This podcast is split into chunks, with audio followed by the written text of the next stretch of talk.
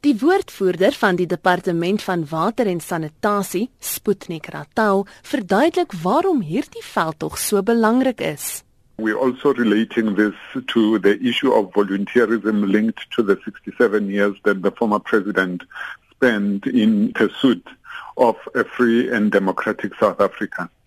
And as well as remembering that in the State of the Nation address of 2014, the president made a call that all South Africans must, in terms of uh, the volunteerism spirit, dedicate 67 minutes to cleaning up South Africa.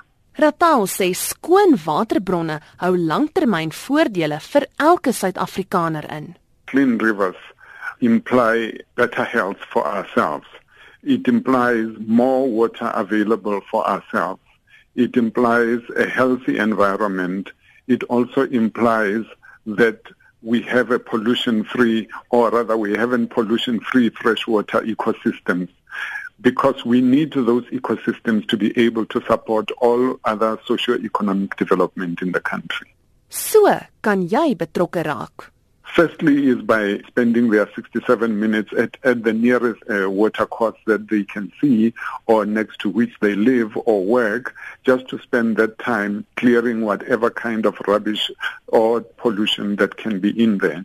Secondly, it is by making sure that uh, we educate one another, even as we are in our homes, in our workplaces, and anywhere else.